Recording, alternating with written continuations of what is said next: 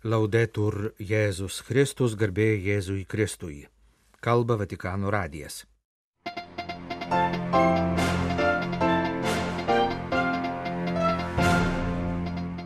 Popiežiaus bendroji audiencija. Mūsų išganytojas yra Jėzus, o ne Jėzaus idėja, kalbėjo Pranciškus. Krikščionių vienybės dikasterijos prefektas kardinolas Kurtas Kochas lankosi Slovakijoje Kirgizijoje sesuo vienuolė buvo nubausta piniginė bauda už tai, kad per mišes skaitė žodžių liturgijos skaitinį. Toliau mūsų laidoje kalbėsime apie migrantus saugiais humanitariniais koridoriais atvykstančius į Italiją ir apie buvusį migrantą, kuris dabar yra Albanijos sostinės arkivyskupas.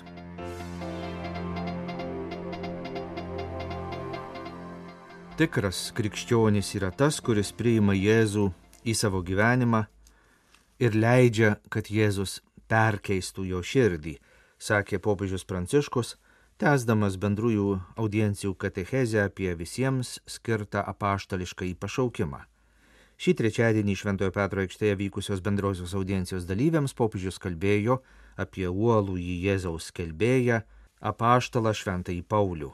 Nel cammino di catechesi sullo zelo apostolico cominciamo oggi a guardare ad alcune figure che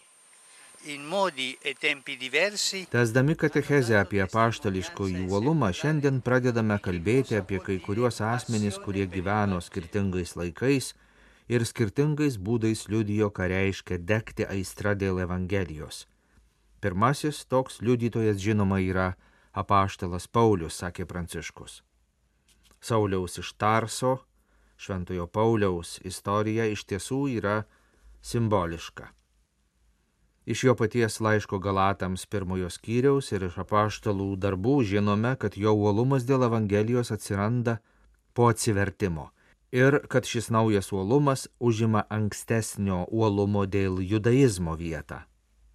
Saulis ir prieš atsivertimą prie Damasko buvo uolus žmogus, aistringai darė tai, kuo tikėjo. Tačiau Kristus jo uolumą pakreipia naują linkmę nuo uolumo dėl įstatymo į uolumą dėl Evangelijos. Il suo slancio prima voleva distruggere la Chiesa, dopo invece la costruisce. Ci possiamo domandare che cosa è successo. Iš pradžių jis uoliai stengiasi sunaikinti bažnyčią, o vėliau lygiai taip pat uoliai ėmė ją statyti. Kasgi atsitiko, kas pasikeitė šio žmogaus viduje? Popiežius priminė, ką apie tai sako šventasis Tomas Akvinietis. Pati aistra moraliniu požiūriu nėra nei gera, nei bloga. Dorybingas aistros naudojimas daro ją gerą, o nuodėmė blogą. Pauliaus atveju tai, kas jį pakeitė, nebuvo vien idėja ar tikėjimo tiesa, bet susitikimas su prisikėlusiu viešpačiu. Susitikimas su Jėzumi prie Damasko vartų pakeitė visą Sauliaus Pauliaus esybę. Jo žmogiškumas, jo aistra dėl Dievo ir jo šlovės nebuvo panaikinta, bet buvo perkeista, buvo pavergta šventosios dvasios. Proprio come succede nell'Eucaristia, il pane e il vino non sompaiono, ma diventano il corpo e il sangue di Cristo. Pasak Pranciškaus, lygiai taip pat įvyksta ir Eucharistijoje. Duona ir vynas neišnyksta, bet tampa Kristaus kūnu ir krauju. Pauliaus uolumas išliko, bet tapo uolumu dėl Kristaus. Popiežius pabrėžė, kad uolumo dėl Evangelijos, aistringo troškimo ją skelbti ir liudyti neįmanoma išmokti. Apaštališkasis uolumas yra atsivertimo rezultatas. Convertirsi significa piuttosto ripercorrere la stessa esperienza di caduta e resurrezione di Saulo, Paolo. Atsiversti reiškia išgyventi tą pačią nuopuolio ir prisikelimo patirtį, kurią išgyveno Saulis Paulius. Apmastydami krikščionių persekėtojo Sauliaus tapimą Kristaus apaštalo Pauliumi, pastebime tam tikrą paradoksą. Kol jis manė esas teisus prieš Dievą, tol jis jautėsi turys teisę persekioti, suiminėti ir net žudyti. Tačiau kai nutvieskė prisikėlusiojo viešpaties šviesa, jis suprato, kad iki tol jis buvo pikdžodžiautojas ir smurtautojas. Tik tai supratęs jis pradėjo gebėti mylėti. Pasak popiežiaus Pranciškaus, Pauliaus pavyzdys mums rodo, kad tikrasis krikščionis yra tas, kuris priima Jėzų į savo vidų ir leidžia jam perkeisti savo širdį. Turime savęs klausti, ką man reiškia Jėzus. Cosa significa Gesù per me? L'ho lasciato entrare nel cuore Ar įsileidžiu jį į savo širdį, o gal tik leidžiu jam mane lydėti per atstumą, bet į vidų jo nepriimu?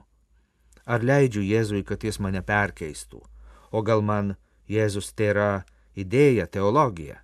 Quando uno trova l'idea di Gesù, rimane un ideologo del cristianesimo. Jei žmogus tenkinasi tik Jėzaus idėja, jis tampa krikščionybės ideologu, tačiau to negana, kad jis būtų išgelbėtas. Mūsų išganytojas yra Jėzus, o ne Jėzaus idėja. Baigdamas katechezę popiežius ragino melstį malonės sutikti Jėzų, kad jis iš vidaus pakeistų mūsų gyvenimą ir padėtų mums tarnauti kitiems. Ci cambia la vita e ci aiuti aiutare gli altri. Grazie. Šventojo sosto dikasterijos krikščionių vienybei ugdyti prefektas kardinolas Kurtas Kochas kovo 27-30 dienomis lankosi Slovakijoje. Ekumeninį dialogą visos bažnyčios mastu kūruojančios Vatikano institucijos vadovas į Slovakiją atvyko pirmadienio vakarą. Antradienį kovo 28-ąją jis aplankė rytų Slovakijos Michalovcės miestą, kuriame yra ortodoksų vyskupo katedra. Po susitikimo su vyskupu ir jo bendradarbiais kardinolas taip pat aplankė šalies šiaurės rytuose esančią graikų apieigų katalikų Klokočiovo Dievo motinos šventovę.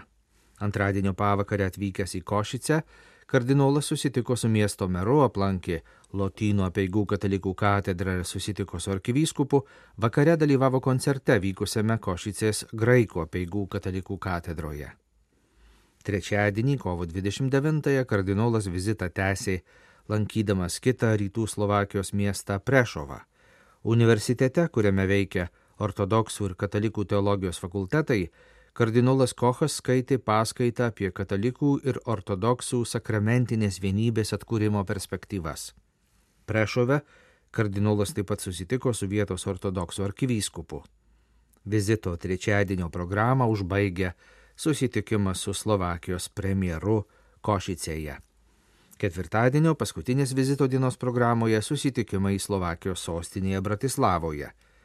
Prieš keletą dienų sukako 35 metai nuo demokratinės permainas Slovakijoje pradėjusios vadinamosios demonstracijos su žvakėmis.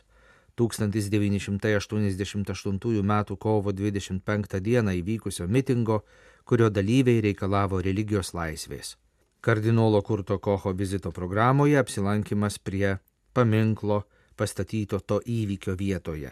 Užbaigdamas vizitą Slovakijoje ketvirtadienį po pietų, kardinolas dalyvaus simpozijume skirtame krikščionių ir žydų santykiams. Kirgizijoje nubausta katalikų vienuolė už tai, kad per sekmadienio mišes skaitė liturginį skaitinį, pranešė misijų pasauliui dėmesį skirianti Romos naujienų tarnyba Fides, priklausanti popiežiaus Pranciškaus vadovaujamai evangelizavimo dikasterijai. Slovakų kilmės sesuo Daniela Činčilova, pranciškonių mokytojų kongregacijos narė, nubausta maždaug 90 dolerių piniginė bauda pagal 142 baudžiamojo kodekso straipsnį. Anot teisės saugos pareigūnų, vienuolį nusikaltų katalikybės skleidimu be valstybinės religijų reikalų komisijos išduoto leidimo.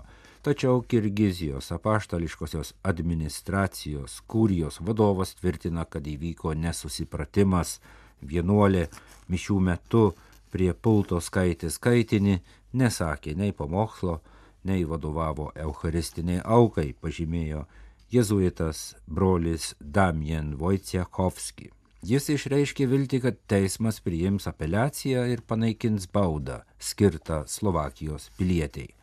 Naujienų portalas pažymėjo, kad pranciškonė vienuolė nubausta kovo 26 dieną Talaso Šventojo Mikalojaus katalikų parapijos bažnyčioje per vakarinės mišes, per kurias į bažnyčią atėjo keli policininkai ir valstybės saugumo tarnybos pareigūnai. Kirgizijoje, musulmonų daugumos vidurinės Azijos šalyje, turinčioje beveik 7 milijonus gyventojų, gyvena tik keli tūkstančiai katalikų. Iš devinių krašto parapijų trys pagrindinės yra Biškeke, Džalal Abade ir Talase. Didžioji dauguma Kirgizijos katalikų gyvena toli nuo parapijų. Jos reguliariai lanko parapijose tarnaujantys dvasininkai ir pašvestieji jėzuitai, pranciškonės mokytojos, meilės misionierių ir paguodos misionierių seserys ir vienas diecezinis kunigas. Kirgizijoje apaštalauja misionieriai iš Kazakstano, Vietnamo, Junktinių Amerikos valstijų, Lenkijos, Slovenijos ir Slovakijos.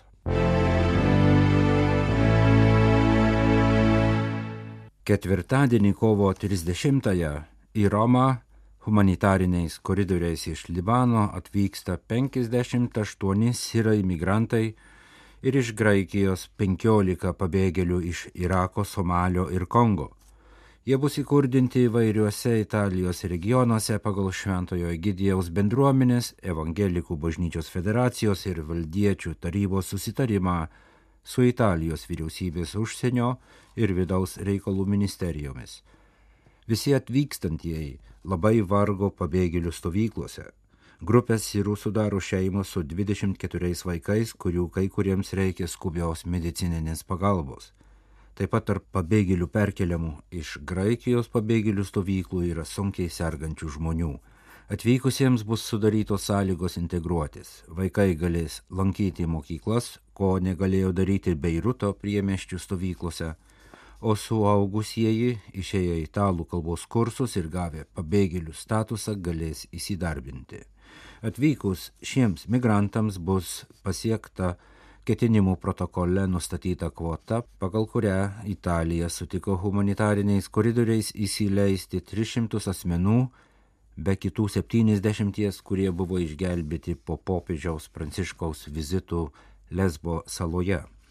Nuo 2016 metų Italijos krikščioniškų bendruomenių rūpeščių humanitariniais koridoriais išgelbėta iš viso 2486 žmonės, o visoje Europoje 6000 žmonių.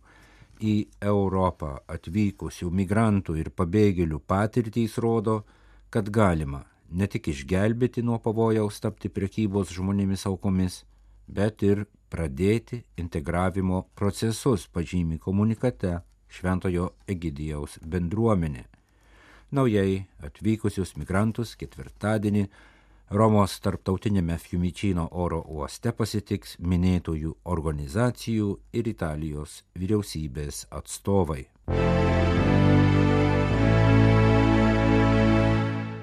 Arijano Dodajaus, kuris šiandien vadovauja Tiranos Duresio arkiviskupijai istoriją.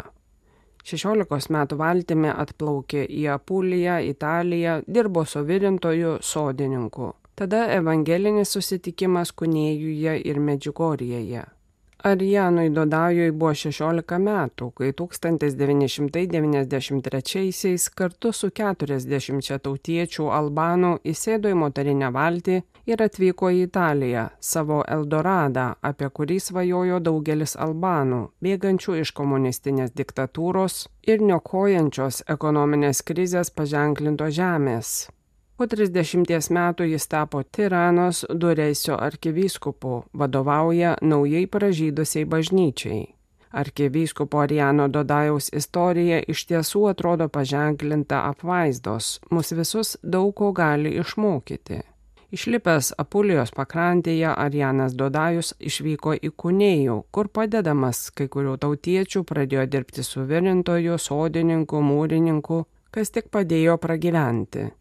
Po kiek laiko sutiko kelis jaunuolius iš Marijos namų, Dievo motinai itin atsidavusios maldos bendruomenės, su kuriais užgimė nuoširdį draugystė, privertusi vaikiną iš naujo atrasti draugišką Dievo veidą.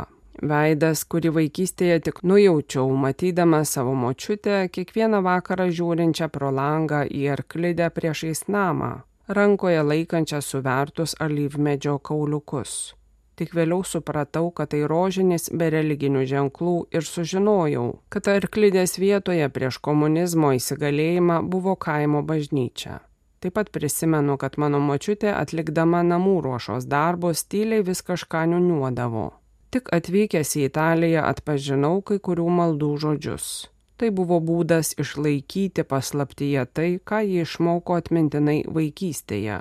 Ir taip mūsų vyresnėji perdavė mums tikrumą, kad Dievas visada yra, net kai aplinkybės verčia mus slėpti savo tikėjimą, pasakoja vyskupas. Kartu su bendruomenės jaunimu sutiktų kunėjuje Arianas atranda Medžiugoriją, jo susižavėjimas krikščionybę auga, kol subrandina sprendimą pasikrikštyti 1994.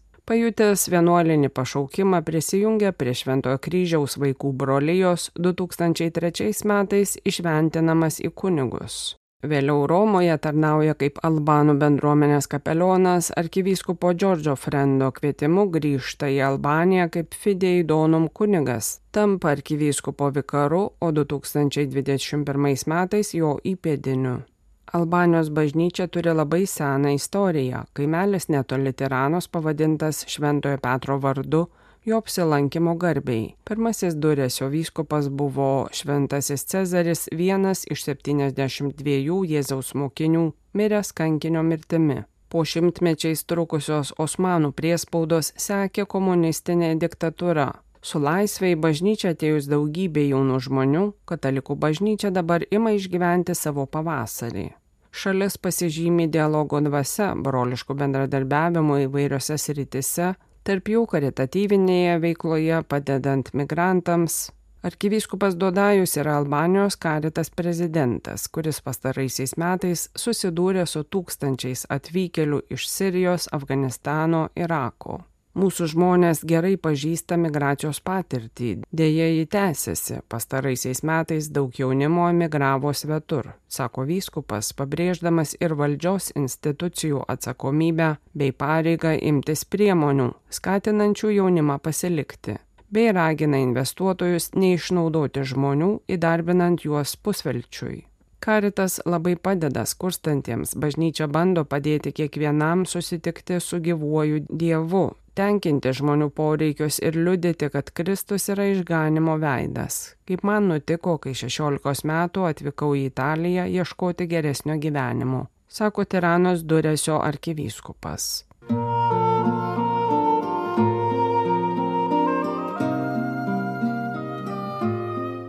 Kalba Vatikano radijas. Mėlyjeji klausytojai, primename, kad Vatikano radijo laidų jūs galite klausytis ne tik per Lietuvos radio kanalą Klasika ir Marijos radiją, bet ir per mūsų interneto radiją, kurio galima klausytis mūsų interneto portale.